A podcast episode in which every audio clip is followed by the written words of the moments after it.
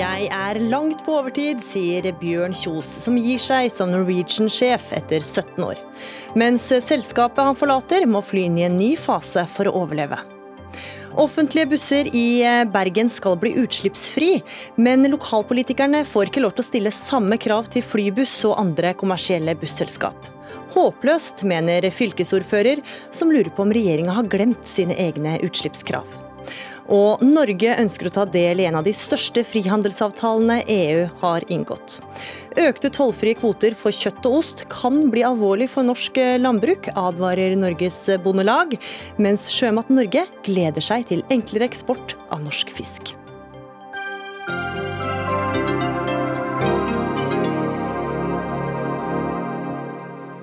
Ja, du hører eller ser på Dagsnytt 18 i studio Gry Veiby. Og I løpet av den neste timen skal du også få høre om en helt spesiell rettssak i Tyrkia. De protesterte mot kjøpesenteret i Parken, men er beskyldt for å ha planlagt å styrte den tyrkiske regjeringa. Og en av de tidligere tiltaltes tidligere samboer og nære venn kommer til oss. Men vi starter med Norwegian. For i dag har hyllestene om det norske flyeventyret Norwegian Air Shuttle rent inn. For Bjørn Kjos takka for seg etter 17 år som administrerende direktør i selskapet. Og Bjørn Kjos, velkommen til Dagsnytt 18. Ja, takk. Du kom inn som toppsjef i 2002. Da telte flyflåten fire fly og litt over 100 ansatte. Inntil i dag så leda du et av Europas største flyselskap med over 11 000 ansatte og over 162 fly i flåten. Hvordan kom Norwegian dit? Ja, jeg si det, det. Jeg kan nesten ikke forklare det, men uh, Først og fremst, du må ha masse flinke folk rundt deg. Det er liksom, Mange tror liksom at et sånn uh, Norwegian skapt av en mann, det er absolutt ikke tilfellet. Du har masse flinke folk. så det gjelder, For meg gjelder det egentlig å få tak i de flinke folka. Men jeg så et tidligere intervju av deg eh, som du hadde gitt i Aftenposten, så sa du vi har ingen vyer om å bli store, sa du den gang. Hva, hva skjedde på veien? Nei, det var vel eh, Da vi starta opp, så hadde vi liksom Vi hadde ambisjoner om å Vi skulle greie oss, da. Vi, vi hadde jo 130 ansatte i et eh, bitte lite selskap som hvor vi mista egentlig eh, Vi fløy tjeneste for Bråten, og så ble Bråten kjøpt opp, og vi ble kasta ut. Og da måtte vi skaffe de 130 ansatte jobb. og Sånn startet egentlig Norwegian Air Shuttle som du ser i dag. Og vi hadde egentlig bare ambisjoner om å bli en liten spiller på norsk innenriks. Så det var ikke bare det at du var mer beskjeden da? Det, det, skjedde ting underveis? Det skjedde ting underveis. Vi fant ut at det, det er veldig vanskelig å overleve som liten. Og eh, du, du, må ha litt størrelse mm, for å overleve. Og så ble det Skandinavia, og så ble det Europa, og så ble det resten av verden. Og det var altså i forbindelse med fremleggelsen av resultatet for andre kvartal så at du gikk av. Og hvordan var det å ta den avgjørelsen? Jeg synes jeg er jo på overtid, jeg har sagt lenge. vet Du Du skal ikke drive et sånt, eh, du skal ikke drive sånne posisjoner som jeg driver når du passerer 70. vet du, Da skal du for lengst ha slutta. Og, og, jeg er jo nå på vei til 73, ikke sant? så jeg burde jo ha tatt, uh, hatt noe godt for lenge siden. Men av forskjellige årsaker så har jeg ikke eh, passa sånn, men nå syns jeg det passa eh, veldig bra å, å, å, dra ut og seile i stedet. Ja, for Du sier jo også sjøl du er 73 neste uke, som jeg forstår, ja. og varsla lenge at du har villet gå av, eller du har i hvert fall sagt at du har sittet på overtid. Men Norwegian har ikke noe, funnet noen klar erstatter. Hvorfor har dere ikke det? Det er forskjellige årsaker. da. Har, har, nå er det styret som gjør den jobben. og men eh, for et halvt år siden så tok jeg opp eh, han som var min eh, eller finanssjefen, han tok jeg opp som NK. Han er en kjempeflink kar. Han passer egentlig bra nå. Han kan ta den posisjonen etter meg. Jeg har ingen problemer med å overlate roret til han. Så du har egentlig utpekt din etterfølger, du da? Eh, nei, det er styret som gjør det. Men jeg syns han er en kjempebra kar. Børskommentator i Dagens Næringsliv skriver i dag at en toppleder må gå av uten at erstatteren allerede er rekruttert, gir et inntrykk av hastverksarbeid. Hva sier du til det? Vi har drevet på i to år og visste at, skal, eh, at jeg skulle vente eh, til en fast en kom på. Så han har ofte karenstid, så det kunne tatt ett år. Og som jeg sier, du skal egentlig ikke drive i en sånn posisjon når du når alderen min. altså. Men det at du ikke har funnet en erstatter, hva vil du si til den som mener at det skaper usikkerhet om hva som skjer med Norwegian videre? Nei, jeg syns at Norwegian er i kjempetrygge hender. Vi har veldig godt management. Fantastisk bra management. Og vi har, og vi har absolutt en, en veldig god rormann i Geir Karsen nå, så det er, det er jeg overhodet ikke bekymra for. Du beskrives som unorsk i måten du håndterer risiko på som leder. Hva er den mest risikable beslutninga du har tatt?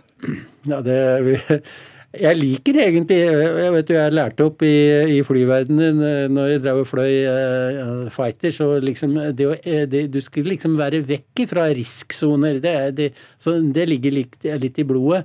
Men av og til må du gjøre det, og da skal du vite når du går inn i en risksone. Men mange vil jo si at du har tatt mye risiko? Kanskje, men det er faktisk eh, veldig kalkulert når vi har gjort det. Og det er ikke sånn du, du gjør uten at du sitter og kalkulerer veldig nøye når du gjør det. Den største risikoen tok vi egentlig når vi gikk longhold, og vi visste at skulle vi lykkes på longhold, så måtte vi lykkes i de store byene, eksempelvis London. Lyktes vi ikke i London, så ville, eh, ville longhold være en eh, fiasko. Men heldigvis så lyktes vi i London, og da sto jo Paris og Roma og alt det andre for tur.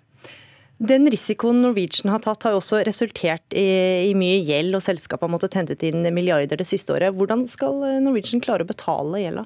Vi har jo veldig billig gjeld. Vi har, eh, Når du finansierer sånn som vi har gjort med, med amerikanske statsinstitusjoner, sånn som Exim, så får du veldig gunstig eh, lån. Hadde du finansiert huset ditt på den måten, så hadde du vært kjempeblid.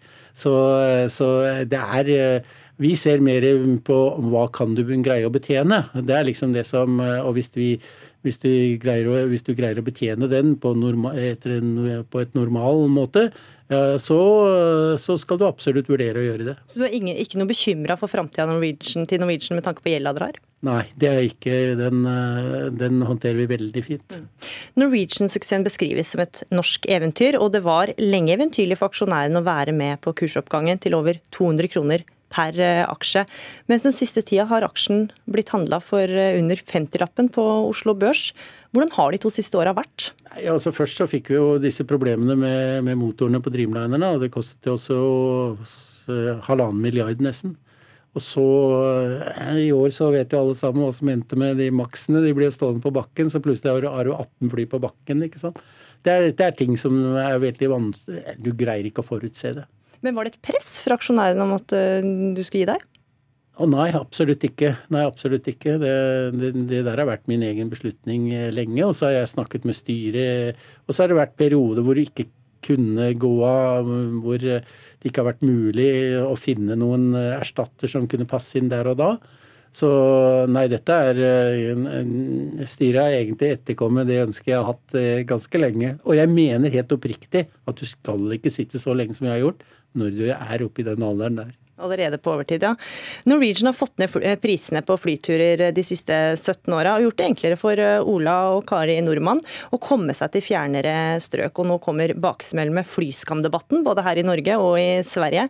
Hvordan er din klimasamvittighet etter å ha ledet et selskap som slipper ut tonnevis med CO2 hver dag? Ja, nå kan du si at hvis du ser på de FN de FN-organene som har vurdert utslipp til de enkelte selskapene, så er Norwegian by far altså langt det beste i, i Så jeg pleier å si at det har flyvett. Fly med de som slipper ut lite. Eh, ikke fly med de som slipper ut dobbelt så mye per passasjer. Og eh, Der kommer jo Norwegian i toppen. Og når det gjelder flyskam, så eh, det er jo klart at vi har greid å senke utslippene 30% de siste årene ved hjelp av ny teknologi.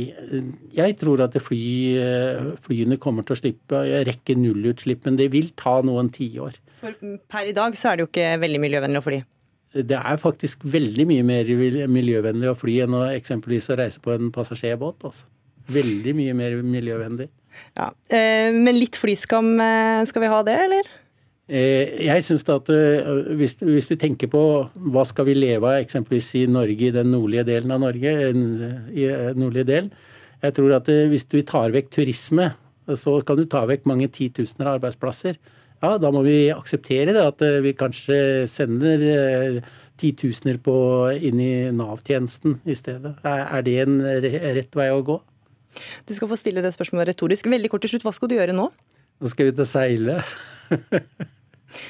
Bjørn Kjos, eh, takk for at du var med i Dagsnytt 18. Og da skal vi slippe inn eh, kommentatorene. For eh, Kjos, du kan få lov til å gå. Kjos går altså, skal, foruten å seile, skal han også gå over til en rådgiverstilling i Norwegian. Og det er ennå altså ingen ny permanent konsernsjef klar til å ta over etter Kjos. Og Eli Moen, professor ved Institutt for kommunikasjon og kultur ved BI. Det at det ikke står noen klar til å ta over etter Kjos, hva sier det deg? Uh, nei, det virker jo som uh, det kanskje har noe med det som har skjedd i dag. Vi vet jo ikke.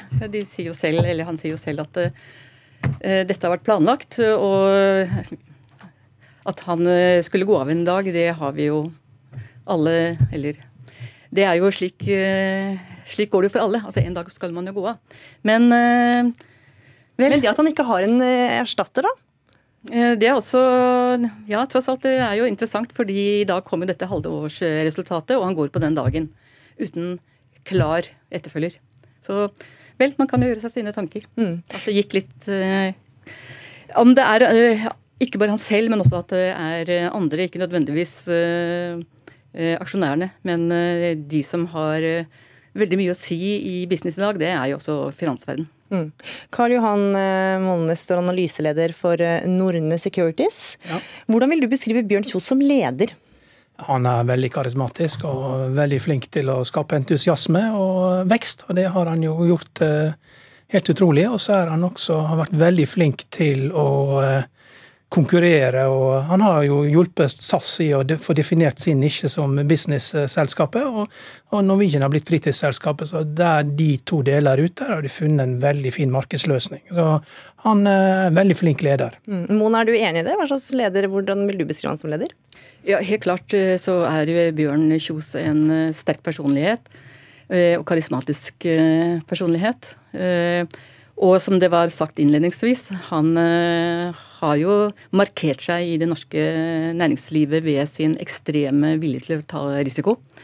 Det er ikke alltid det som har vært eh, det dominerende i norsk næringsliv. Denne her sterke viljen til å ta risiko. Så det er vel en av de tingene som, eh, som vil karakterisere han. Det er altså andre sider eh, som har kommet fram etter hvert, som han ikke har, som ikke har vært like smigrende for hans ettermæle. Og det var jo den endringen de hadde i ansettelsespolitikken sin fra sånn ca. 2012. Mm, hvilken endring var det, da? Eh, fra å være et veldig flott eh, Ha et flott, veldig flott arbeidsmiljø, som de ansatte uttrykte det. Eh, fantastisk å være med på hva de opplevde som et eh, eventyr. Og det har jo også dette her vært. Norwegian har vært et eh, eventyr i business.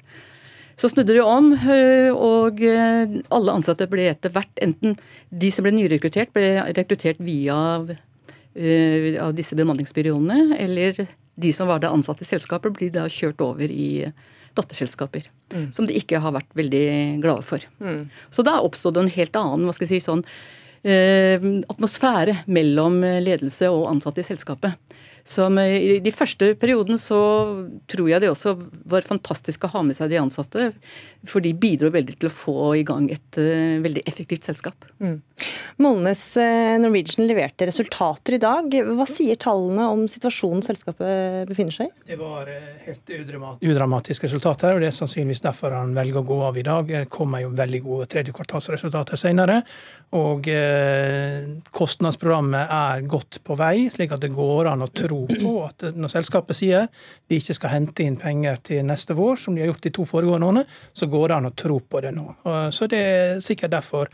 Og det, aksjonærene har jo presset på her, de største som var igjen, ved at de først fikk Kise til å gå, eh, styreformann. og så Da sa Bjørn Kjos det var naturlig at, eh, at ikke begge to gikk samtidig, så at han vil gjøre det senere. Så det er en, det er en naturlig prosess, dette her. At det kommer akkurat nå, det er jo alltid overraskende. Men det er viktig å huske på at selv om han går av som CEO, så er han jo største aksjonær i firmaet.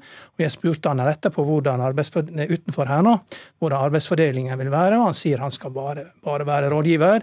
Selv om han vet han er største aksjonær, så skal han ikke legge seg opp i og blande seg opp i driftene. For det går ikke. Han har ikke lyst til å bli syvende far i huset. Men om det faktisk skjer, eh, det gjenstår jo å se. Det gjenstår å se, ja. ja. Eh, samtidig så har jo Norwegian ganske stor gjeld. Hva har gått galt de siste årene?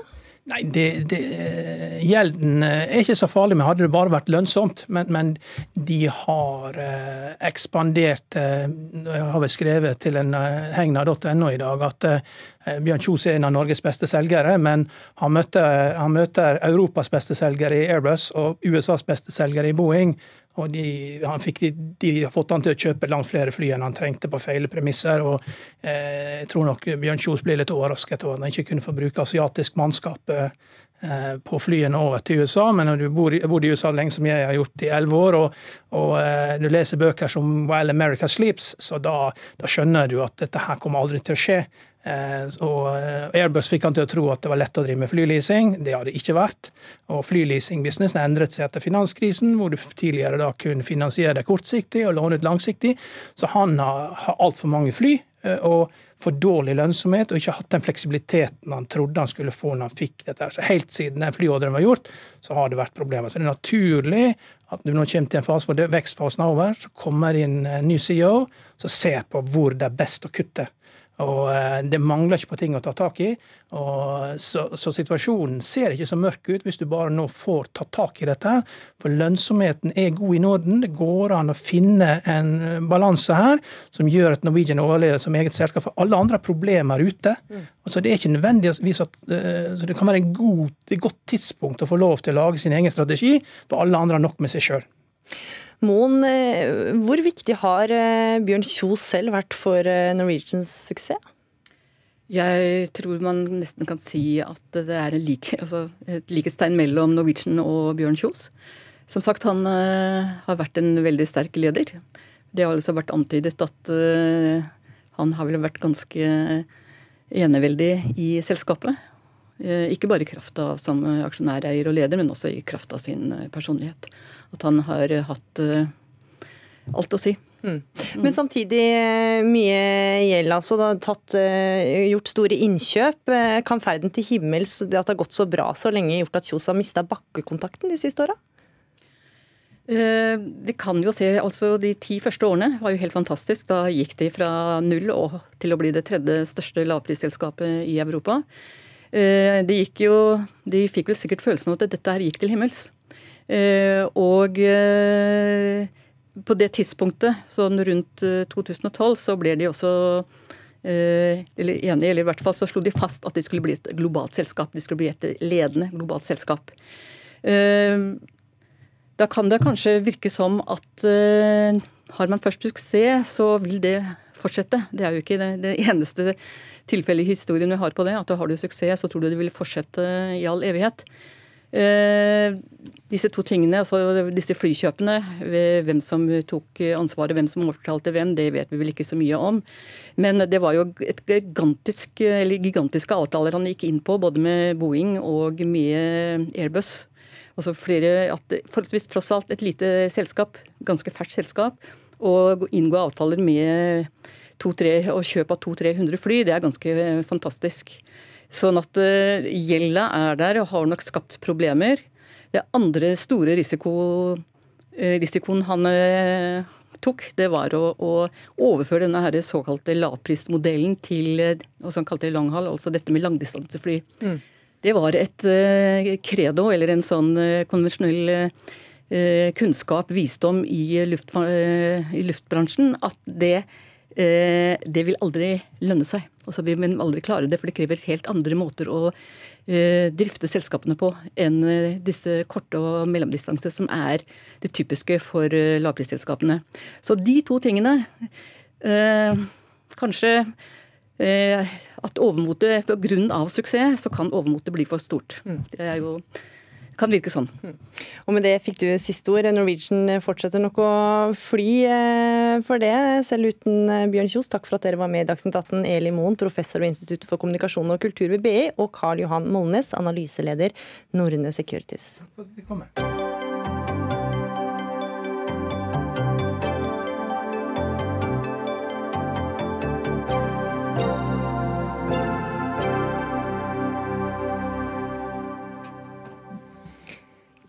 20 år har EU og det søramerikanske indre markedet Mercosur forsøkt å komme i havn med en frihandelsavtale. I juni kom partene til enighet, og nå står forhandlinger for EFTA-landene med Norge for tur. Og for den som ikke har dette helt eh, friskt i minne, Karen Helene Ultveit Moe, du er professor ved Økonomisk institutt ved Universitetet i Oslo. Frihandelsavtalen mellom EU og Mercosur blir beskrevet som en av de viktigste avtalene EU har eh, inngått. Hvorfor er den så viktig? Ja, For det første så er det en avtale mellom to uh, kjempestore blokker. I den forstand at det, eh, det, bor veldig mange mennesker, både i EU og i Mercosur. Uh, og det andre er jo at uh, da Mercosur har vært et ganske lukket område. De har hatt en veldig restriktiv handelspolitikk.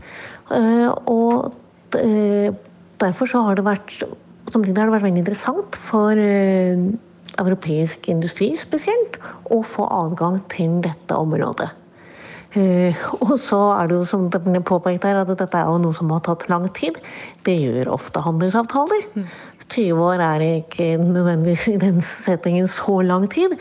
Men eh, nå er det da, nå er det da omsider kommet en, eh, en, avtale på bordet, og den er det i første rekke to parter som er veldig begeistret for. Og det er industrien i Europa, og så er det landbrukssektoren i eh, Latin-Amerika. Mm.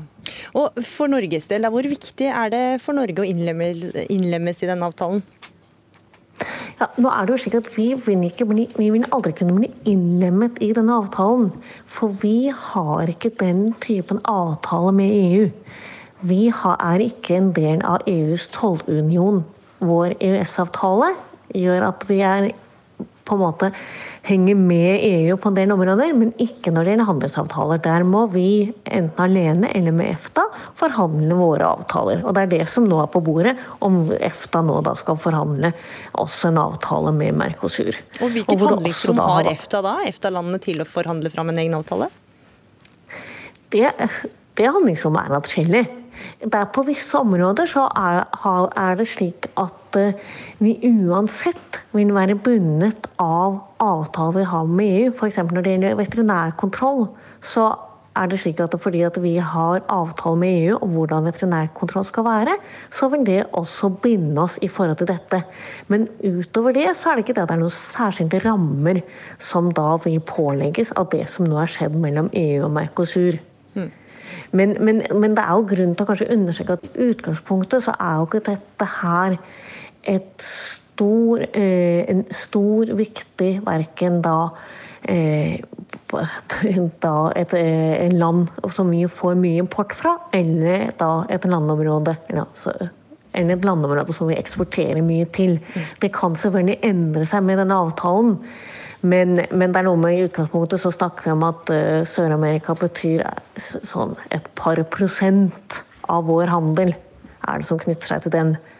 Så selv med da en dramatisk endring, så er det likevel slik at uh, det skal noe til for at dette virkelig blir dominerende for Norge som sådan, men for enkeltvise sektorer og bransjer i Norge så kan dette være viktig. Og dem skal vi høre mer om nå. Takk eh, for denne gang, Karen Helene Ultveit Moe. Eh, først til deg, eh, Magnus Tune, du er statssekretær i Nærings- og fiskeridepartementet. Hvilke interesser vil Norge sikre seg i forhandlingene? Altså For det første så er det veldig viktig at vi får, eh, får til en avtale. for uh, Særlig nå i lys av at EU eh, har fått en avtale, så er det viktig at norske selskaper kan, kan konkurrere på, på, like vilkår. Og For øvrig så er det jo svært viktig at vi Eh, sikrer norske fiskeriinteresser, eh, at vi eh, sikrer norske industriinteresser og, og, selvfølgelig også defensivt sett landbruksinteresser. Men så er det også sånn at alle EFTA-landene må være enige for å få i land en avtale. Og Hvor uheldig vil det være for Norge dersom man ikke klarer det og forhandlingene trekker i tid? Vi har lang erfaring med å forhandle sammen med EFTA, så jeg tror nok at, at vi skal, skal, få til det. Mercosur og EU satte jo akkurat samme, samme posisjon, og de har nå fått til en avtale. De eh, brukte 20 år, vi har hittil brukt eh, to år, så vi håper at vi ikke ender opp eh, å bruke like lang tid som dem. En av næringene som blir påvirka av denne avtalen er jordbruket. og Bjørn Gimming, du er første nestleder i Norges Bondelag. Bondelaget er så bekymra for konsekvensene av en frihandelsavtale at dere var i møte med Landbruksdepartementet i dag. Hva er det dere frykter? Vi frykter at det skal gis innrømmelser på, på, import av produkter som er veldig viktige i norsk jordbruk. Eh, eksempelvis frukt, grønt, eh, kylling og, og ikke minst storfekjøtt. Som vi frykter veldig skal komme inn og presse norsk produksjon. Eh, Enhver innrømmelse som vil bli gitt på, på slike volumer, vil jo presse ut uh, norske distriktsarbeidsplasser, presse ut norsk distriktsjordbruk og, og redusere antall uh, bønder og gårder i Norge. Men samtidig så sier regjeringa at det er uaktuelt for Norge å inngå en avtale som undergraver grunnlaget for norsk kjøttproduksjon. Har du ikke tiltro til det? Jo, det er veldig bra. Og jeg registrerer det som blir sagt, og, er, og det er bra. Jeg må si det. Samtidig så så er forhandlinger forhandlinger. Eh, og vi vet eh, akkurat det som ble sagt innledningsvis her også, at eh, de har sterke interesser på å eksportere jordbruksprodukter. Vi har interesse på andre områder. Og vi, vi frykter jo sånn sett at, at matproduksjon og, og, det som vi holder på med, kan bli brukt som en del av forhandlingene. Så selv om signalene er, er bra, så er det viktig også for oss å fokusere på at uh, dette her, uh, her er det veldig lite å gå på for, for norsk jordbruk. Mm, ja, Tune, I sånne forhandlinger så må man jo gi og ta, som i alle forhandlinger. Hva er risikoen for at uh, landbruksnæringen opplever økte importkvoter? For å si det først, altså Man må gi og ta, men det er klart handel er noe som alle parter eh, stort sett tjener på. og, og Derfor så er det ikke et, et nullsumspill, dette her. Eh, samtidig så Men noen taper jo tydeligvis på det hvis det blir økte jo, hvis importkvoter? Du, hvis du ser på utviklingen av norsk storfekjøttproduksjon, som bekymringen har vært størst knyttet til, så ser man at den importen der har blitt halvert de siste tre-fire årene. Eh, norsk produksjon har økt tilsvarende. Så jeg mener at her tar man godt vare også på landbruksinteresser. Mm. Ja, Det er jo helt riktig at vi har klart å produsere mer storfekjøtt. Vi har klart å hente hjem produksjon. Eh, det er jo en felles målsetning som, eh, som, staten og jordbruket har hatt, og som vi har lykkes godt med gjennom flere jordbruksoppgjør. Og, men Derfor er det så utrolig viktig at vi eh, har fokus på det fortsatt, og ikke eh, stimulerer norsk kjøttproduksjon på den ene sida i fellesskap med, med, staten, og så gir bort konsesjoner på den andre sida. Så at man må ha en sammenheng mellom den satsinga som, eh, som eh, regjering og storting har på norsk kjøttproduksjon og norsk matproduksjon, og da ikke gi innrømmelser som vil ta ned muligheten for å produsere mat. Men, men, det er jo ikke første gang Norge har økt kvotene for import av kjøtt, eh, av kjøtt, og ost i forhandlinger med EU, så hva har det egentlig å si? Ja, det, Nettopp det understreker i grunn alvoret. fordi at det er gitt innrømmelser tidligere som har pressa ut norsk produksjon. og det, eh, Hvis det gis nye innrømmelser, så legger det seg på toppen av de innrømmelsene som allerede er gjort. Og for hver enhver sånn innrømmelse som gis, vil jo presse ut norsk produksjon, for vi har ikke noen alternativ sted å gjøre av den produksjonen. Så det vil gå utover distriktsjordbruket i Norge. Mm. En av dem som er uh, mer optimistisk med tanke med forhandlingene, er dere, Øyvind André Haram. Du er konstituert kommunikasjonsdirektør eh, for Sjømat Norge. Og hvordan ser frihandelsavtalen ut fra sjømatnæringas ståsted? Vi må først og fremst takke Tu og hans uh, dyktige kollegaer som står på for dette. her. Det setter vi veldig stor pris på. Fordi at hver verden er jo slik, og vår hverdag er der ute. Eh, vi produserer 37 millioner måltid hver eneste dag fra Norge til, til nesten 150 land. Og, og bare i år så har vi eksportert til Brasil, et av disse landene som er i denne avtalen, så er det Brasil som er viktigst. Brasil, Argentina, Uruguay og Paraguay er i denne avtalen. Ja, og, mm. og, til Brasil, som er det viktigste her, så har vi eksportert for, for eh, nesten 500 millioner kroner. Eh, det er med å trygge arbeidsplasser langs kysten. Det er med å gi oss større muligheter. Eh, og det er klart at det er frihandelsavtale. Det men akkurat handler... denne frihandelsavtalen, da, hvordan vil det For dette her er jo ting dere allerede gjør? Vi gjør jo det fra da, men vi har, vi har skjær i sjøen i, i hverdagen vår vår med Brasil. Vi har store utfordringer um, i og med at vi ikke har noen frihandelsavtale i dag. Og det er det at når vi da slipper dette her, så er det, så er det sikrere hverdag for oss. Det gir oss større muligheter. Det sier seg sjøl at plutselig står der et parti med, med 100 tonn på, på grensa som ikke kommer inn. Uh, så skaper det store problemer for bedriften, taper masse penger. Uh, og det er jo veldig betryggende å høre da at vi blir jo peka på som en av de næringene i Norge som det skal satses mer på.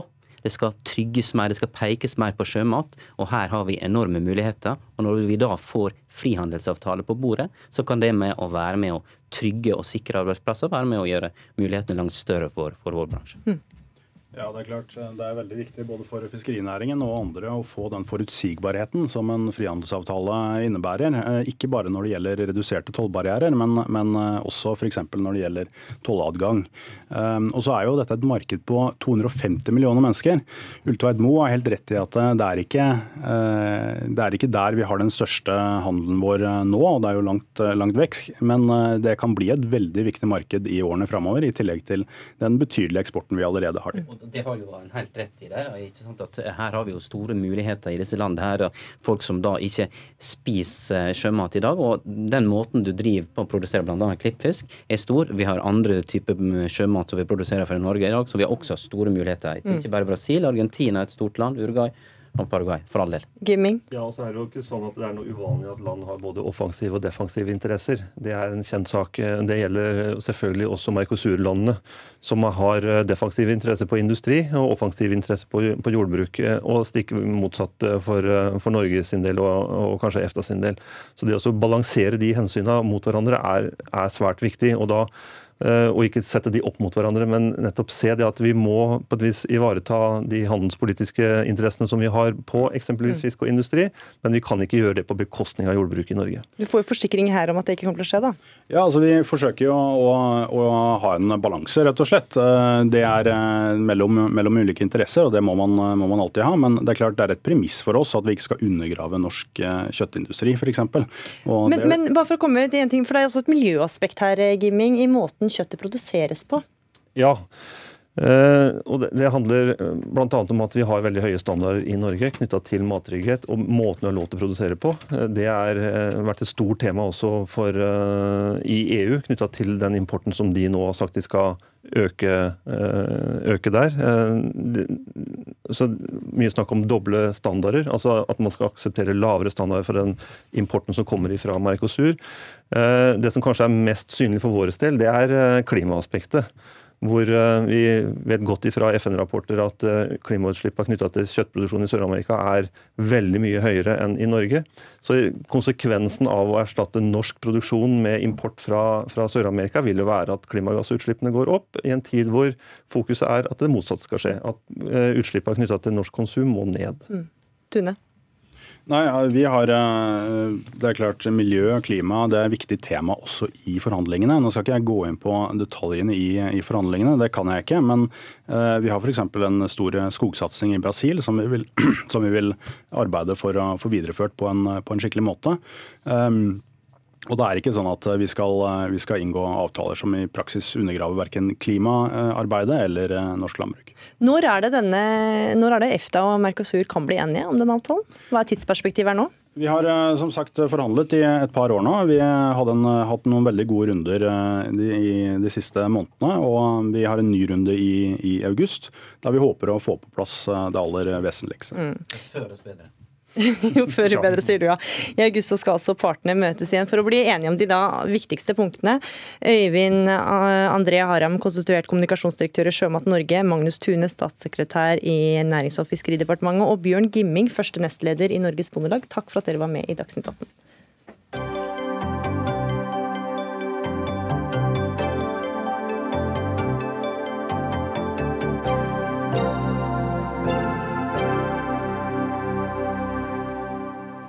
Statens vegvesen vurderer innstramming av, parkering på rasteplasser. Det er hårreisende, svarer Norsk Bobilforening, som eh, snart eh, skal være med i Dagsnytt 18. Men vi ble kjærester som eh, tenåringer og ville utforske verden. I forrige uke så vi hverandre igjen i en rettssal. Jeg var tilhører, han var tiltalt. Ja, Det kunne vi lese i en kronikk på NRK Ytring, signert eh, nyhetsredaktøren her i NRK, som nylig var i Tyrkia for å følge en helt spesiell rettssak. 16 akademikere, advokater, arkitekter, forfattere og journalister er tiltalt for å ville ødelegge den tyrkiske stat. Og Helje Solberg, det er du som har skrevet denne kronikken, og en av de tiltalte er din tidligere samboer eh, og venn i en rettssak som blir omtalt som en Kafka-prosess av ytringsfrihetsorganisasjonen. ytringsfrihetsorganisasjon. Hvordan var det å være til stede der? Det var eh, surrealistisk å se en eh, nær venn gjennom mange år være omringet av et stort oppbud av væpnet politi og militære inne og ute.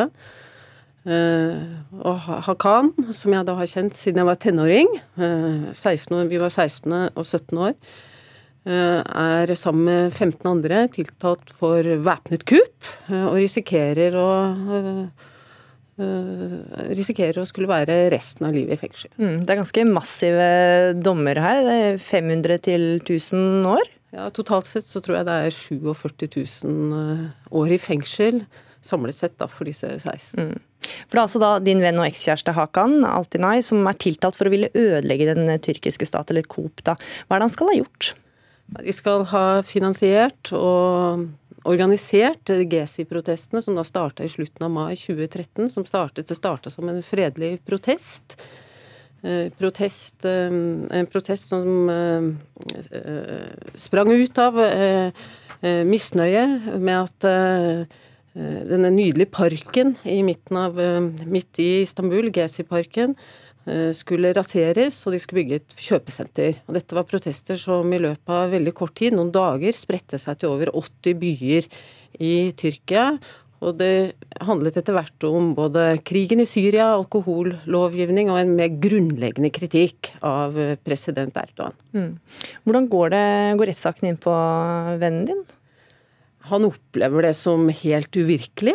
Eh, selvfølgelig. Eh, samtidig som det gjelder å eh, holde fast i det vanlige livet, hverdagen, jobben, ta vare på sine nærmeste, familien. Vi har også med oss Trine Skei Grande, kultur- og likestillingsminister. Du er i Tyrkia nå og kjenner også saken som Helje Solberg både skriver om og forteller om her. Og Hvordan vil du beskrive den? Nei, Jeg er her nå på ferie, men jeg har prøvd både Jeg fikk møte den nye borgermesteren i Istanbul, og jeg har møtt en del både forfattere og journalister som har som både er i rettssaker, og som eh, har opplevd eh, både fengsling og tortur. Og det er jo en, eh, en fascinerende optimisme du møter hos mennesker som står i ganske tøffe kamper og ganske kafkaske prosesser, som det, som det her beskrives. Det borgermestervalget i, Istanbul har liksom vist at jo, demokratiet kan funke som middel for å øke friheten til folk. Og det, det er en veldig sånn fascinerende synes jeg, det er optimisme å komme fra den norske politiske hverdagen og så møte folk som står i sånne kamper som de gjør på ytringsfrihetssida, spesielt i, i, Tyrkia i dag, mm. og, og føle på at de faktisk tror at nå kan ting endres. Mm, vi skal snart eh, høre litt mer om ordføreren i Istanbul, men først til deg, Emil André Erstad. Du er kommunikasjonssjef ved Den norske Helsingforskomité. Og eh, for å gå tilbake til den eh, rettssaken denne saken starta med, hvor eh, unik er denne saken for Tyrkia? Den føyer seg jo dessverre inn i et mønster vi ser eh, når vi jobber med Tyrkia. At eh, journalister og forfattere blir behandla som kriminelle eh, fordi de på ulike måter utfordrer makta til president Erdogan. Og og, og Giesi-parken er, er, jo en av de områdene der det skjedde, og vi har sett i etterkant av kuppforsøket, og, og andre som på, på, på, ulikt vis tråkke over en slags rød linje som myndighetene har satt opp, der, eh, der en ikke skal bevege seg over. Mm. For det er mye som har endra seg etter eh, kuppforsøket i 2016. og Hvordan har den endringa foregått? Ja, altså, eh, Situasjonen har blitt mye mer alvorlig etter kuppforsøket, men vi vil jo òg si at den var veldig alvorlig før kuppforsøket. Eh, vi så hvordan eh, de ulike frihetene på ulike områder, da, ytringsfrihet, organisasjonsfrihet, eh, frihet for minoriteter og religionsfrihet, ble konsekvent svekka, gjerne samtidig. Og, og, dette gjelder jo spesielt da ytringsfriheten, disse rettssakene vi nå snakker om. Men, men i etterkant av, av kuppforsøket så har Erdogan gått enda hardere til verks mot, mot disse frihetene. Solberg, hvilke historier fikk du høre fra din venn om hvordan forholdene, arbeidsforholdene var? Det, har blitt, det var bekymringsfullt også før det mislykka kuppforsøket i 2016. men arrestasjonene jo, og massefengslingene eh, av intellektuelle akademikere, lærere, journalister, redaktører, kunstnere har økt i intensitet de siste årene.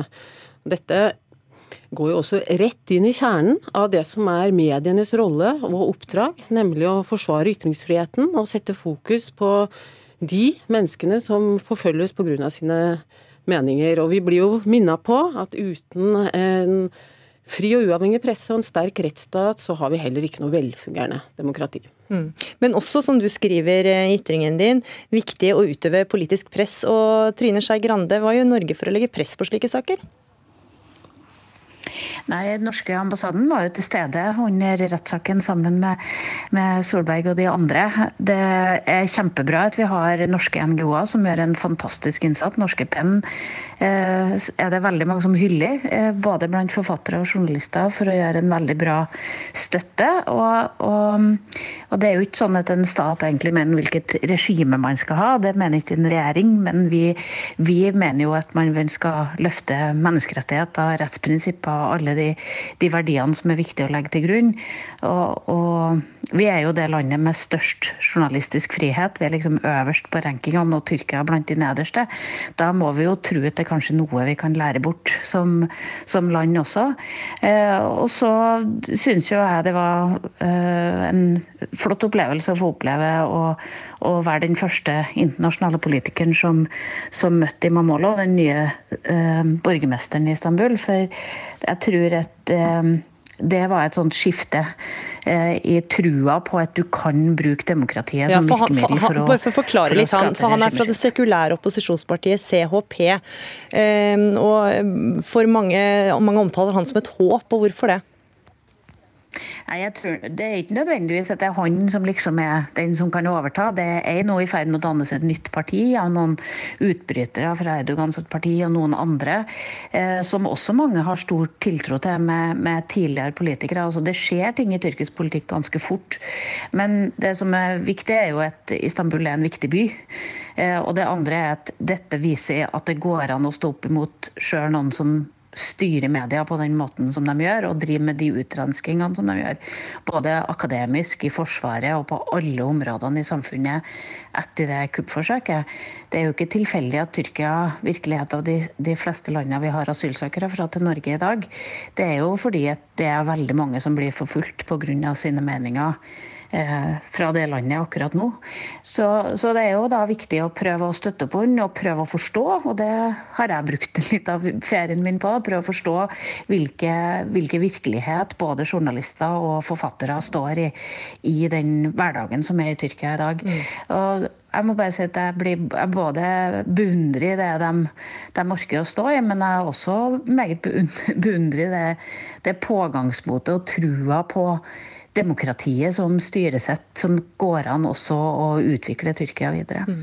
Solberg? Og så er det veldig mange som ønsker, Erna, øh, ønsker norske turister tilbake da. Ja.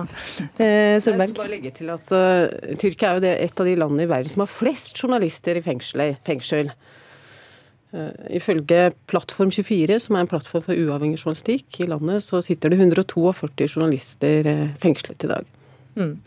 Erstad, eh, er det grunn til optimisme for ytringsfrihet eh, og demokrati i Tyrkia, da særlig etter dette ordførervalget i Istanbul? Jeg vil jo peke på at det er et forsiktig håp eh, at Ekrem Imamoglu, den nye ordføreren i Istanbul, representerer. Det et forsiktig håp. I alle fall hvis vi skal bedømme ut fra den valgkampen han førte og måten han noterte valgseieren på etter å ha vunnet for andre gang nå i juni. Eh, og han representerer jo på en måte en brei allianse av eh, opposisjonelle i Tyrkia, og som gir flere eh, i opposisjonen tro på at, på at det, den kampen kan føre fram med demokratiske midler. Og så må jeg si det at som, som, Solberg peker på i sin kronikk, og, og, og som, som, vi hører her, at situasjonen er veldig alvorlig i Tyrkia, og at den får nok litt for lite oppmerksomhet fra mye i media, men mindre fra europeiske politikere og norske politikere. Så det at Trine Skei Grande bruker ferien sin i, eh, i, eh, Istanbul og hilser på Imamoglu, det er jo veldig, det bør jo berømmes. Helt til slutt, Helje Solberg. Nå venter ny rettsrunde. Hvilke tanker gjør du deg om det? Ja, Det er også ny rettsrunde 18. og 19. juli, og så ser det ut til å bli en runde i september eller oktober Jeg syns det er, eh, er, vanskelig å si. Det er veldig uforutsigbart. Både hvor lenge denne saken varer og hva som eh, blir utfallet. Alle jeg har snakka med om det, sier at eh, dette er eh, åpent. Mm. Da er det bare å vente og se Trine Skei Grande. Jeg må sette en stopper der. Takk for at dere var med i Dagsnytt 18. Trine Skei Grande, kultur- og likestillingsminister. Emil André Erstad, kommunikasjonssjef ved den norske Helsingforskomiteen. Og Helje Solberg, nyhetsdirektør her i NRK.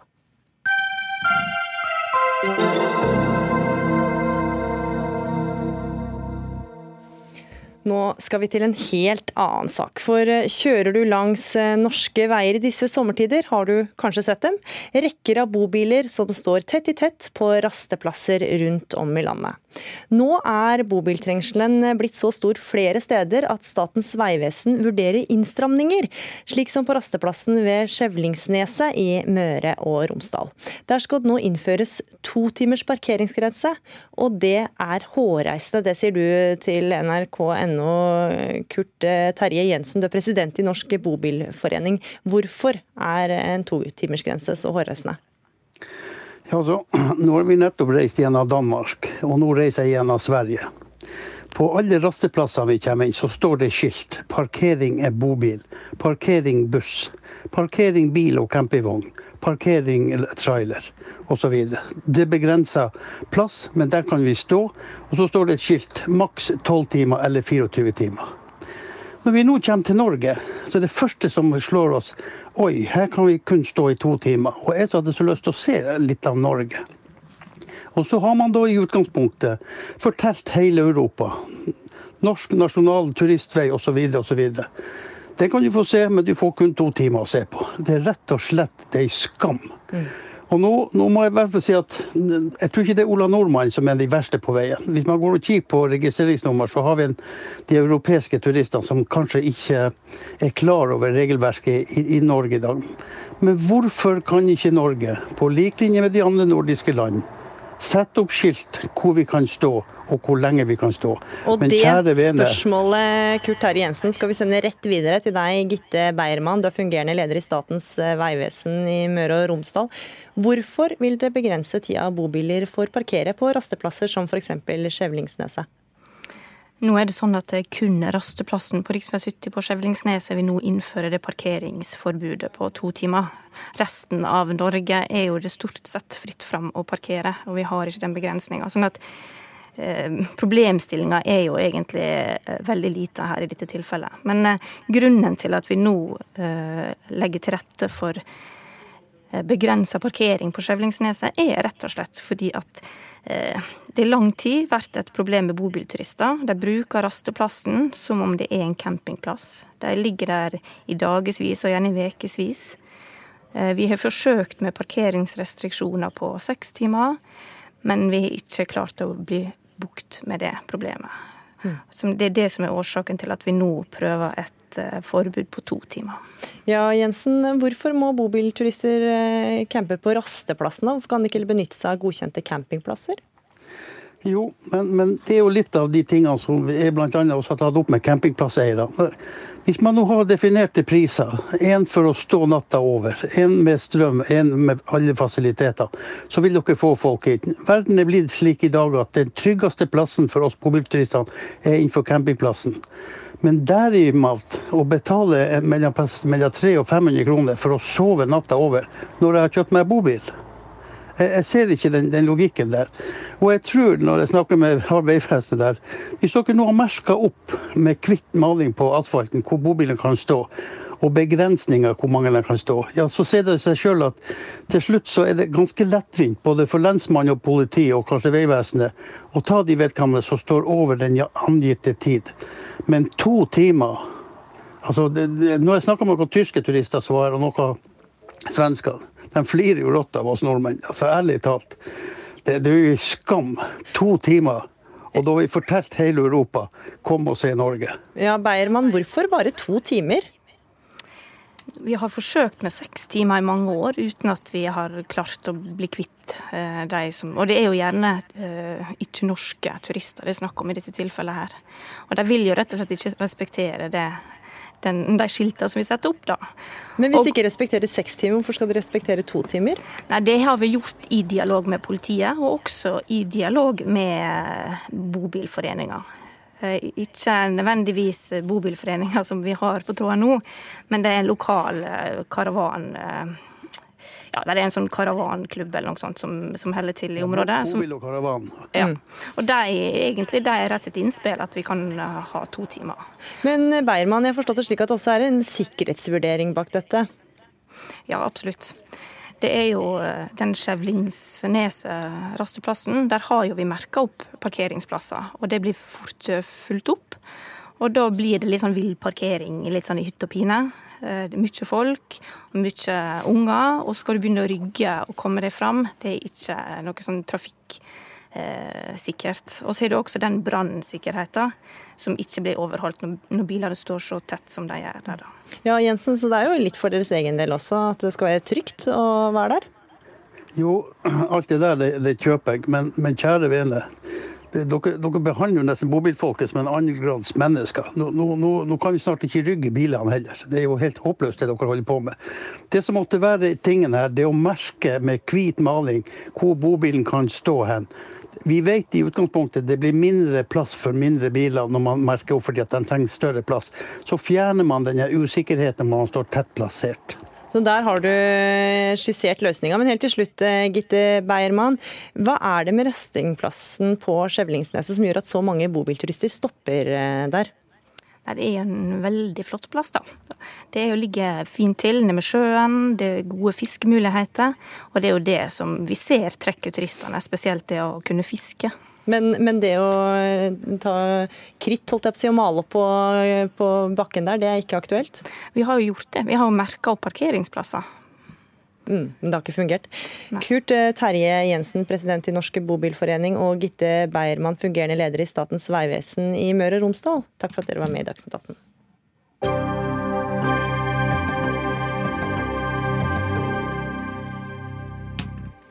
Mens eh, offentlige busser i Bergen skal bli elektriske, må de kjøre side om side med kommersielle busser som spyr ut eksos og ikke får noe krav om å være miljøvennlige. Regjeringa setter høye klimamål, men eh, legger hinder i veien for lokalpolitikere som vil gjøre jobben. Det sier fylkesordfører Anne Gine Hestetun i Hordaland til Bergens Tidende. Fylkeskommunen har eh, selv kjøpt inn 80 elbusser, og de ønska at de kommersielle skulle være like miljøvennlige. Men det sier regjeringa nei til. Statssekretær Allan Ellingsen, eh, du er statssekretær i Samferdselsdepartementet. Hvorfor si nei til flere miljøvennlige busser? Ja, Forskjellen på kommersielle busser og de som fylkeskommunen selv har i trafikk, som er de aller fleste bussene, det er det at eh, fylkeskommunen er med å finansiere for det busstilbudet som de gir. Det betyr at de har en billettpris, og så må de betale det som det koster for å drifte bussen utover det. Og strengere miljøkrav betyr, eh, iallfall i den fasen vi er nå, eh, gjerne økte kostnader. Det betyr at de kommersielle aktørene de må skyve disse kostnadene over på brukerne dersom de ønsker å stille strengere krav. Eh, og Da betyr det at eh, kanskje færre ønsker å ta disse langdistansebussene som det spesielt eh, gjelder, og som i dag er relativt miljøvennlig. Det vi vet er at langdistansebusser og disse kommersielle bussene de blir veldig høyt utnytta, det betyr at de skiftes ut ofte. Mm. Og da til deg, Anne Gine Hestetun. Du er fylkesordfører i Hordaland og representerer Arbeiderpartiet. Det er du som har sendt brev til Samferdselsdepartementet og bedt om å få en endring i yrkestransportloven. Men eh, er det egentlig nødvendig alle, for å få alle busser i Hordaland til å bli mer miljøvennlige? Det er klart det er nødvendig. Og eh, det er ingen tvil om at dette må vi løse i fellesskap. Og jeg tykker det er merkelig at eh, regjeringa, som har store krav til oss, både i forhold til internasjonale forpliktelser gjennom Parisavtalen, og ikke minst gjennom Nasjonal transportplan, der de setter store krav til oss for å få ned klimautslippene, eh, ikke er med på den det felles samarbeidet vi trenger for å klare å få redusert klimautslippene. Vi vil gå i bresjen, vi vil gjøre jobben, men da krever det at eh, regjering spille på lag med oss. Og det er jo regjering og storting, Stortinget til slutt, som har eh, lagt disse føringene. Vi vil innfri, og da forventer vi en regjering som hjelper oss med virkemiddel. Det skulle bare mangle. Ellingsen, i Granavolden-erklæringen står det at regjeringa vil at Norge skal fortsette å være et foregangsland innen fornybar energi og nullutslipp fra transportsektoren. Hvordan skal dere få til det, når ikke disse bussene bare kan gå på el? Ja, Det gjør vi, og i dag så gir vi bl.a. Eh, Hordaland fylkeskommune alle muligheter for å stille miljøkrav til de rutene de sjøl kjøper. Men hvorfor ikke også til kommersielle bra. ruter? Fordi at kommersielle ruter de er ikke subsidiert. Vi bruker ikke skattebetalerne sine penger. penger. Så da vil det koste mer for brukerne. Og jeg tenker at I et miljøperspektiv så må det være mer eh, miljøvennlig å ha busser som har en billettpris som faktisk de reisende er interessert i å betale, og dermed kjøre kollektivt, i stedet for en del langdistansebusser som dette gjelder også fylkesoverskridende, eh, som da er et godt supplement til, eh, til privatbilismen, som jeg vil anta det fylkesordføreren nå egentlig ønsker å, så, å forhindre. Hestetun, så, så det vil jo gå utover vanlige forbrukere, da. Så det vil gjøre at flere folk kjører buss, hvis ikke billettprisene blir så høye? Eh, vet du, jeg reagerer på argumentasjonen. Den argumentasjonen som eh, statsråden i Samferdselsdepartementet har gitt oss, det handler om at en vil verne om privat sektor og de kommersielle aktørene. At det er så lite marginer i bransjen, og det gjør at en vil støtte bransjen og støtte bussene i stedet for å ta klimatiltak på alvor. Det reagerer jeg voldsomt på. Og det er jo klart det at når vi eh, stille opp og gjøre alt det vi klarer, eh, og som står i vår makt, for å innfri regjering og storting sine eh, krav til oss, så skulle det bare mangle at mm. ikke regjeringa også eh, tar hensyn til dette når det gjelder å legge forholdene til rette. Så, La Ellingsen svare på det, Hestetun. Ja, vi skal huske på at de bussene som vi her snakker om, det er en veldig marginal del av tungtrafikken i Norge. Altså, de fleste bussene er offentlig eid, de er betalt av fylkeskommunen og stilt krav til Men det er jo litt med signaladresse sender òg, da? Nei, det er, det er, ikke det. For hvis målet er at de skal være et supplement og faktisk være et utvida tilbud til folk som ønsker å reise kollektivt, så må vi sørge for at de har betingelser som gjør det mulig å faktisk drive et tilbud som gjør at folk reiser kollektivt. Alternativt er at det tilbudet ikke er der. For dette er jo tilbud som bl.a. fylkeskommunen ikke betaler for i dag. Og det er jo fylkeskommunen selvfølgelig fritt til å gjøre, men jeg vil tro at fylkeskommunen også har en interesse av å slippe å betale for disse kommersielle turene. Og så er det viktig å si at det er strenge krav til tungbiler eh, i Norge. Det er krav om Euro 6-motor, eh, og det er stilt muligheter for bl.a. fylkeskommunen å stille enda strengere miljøkrav til de eh, transportløsningene de sjøl kjøper, både på ferge, men også på buss.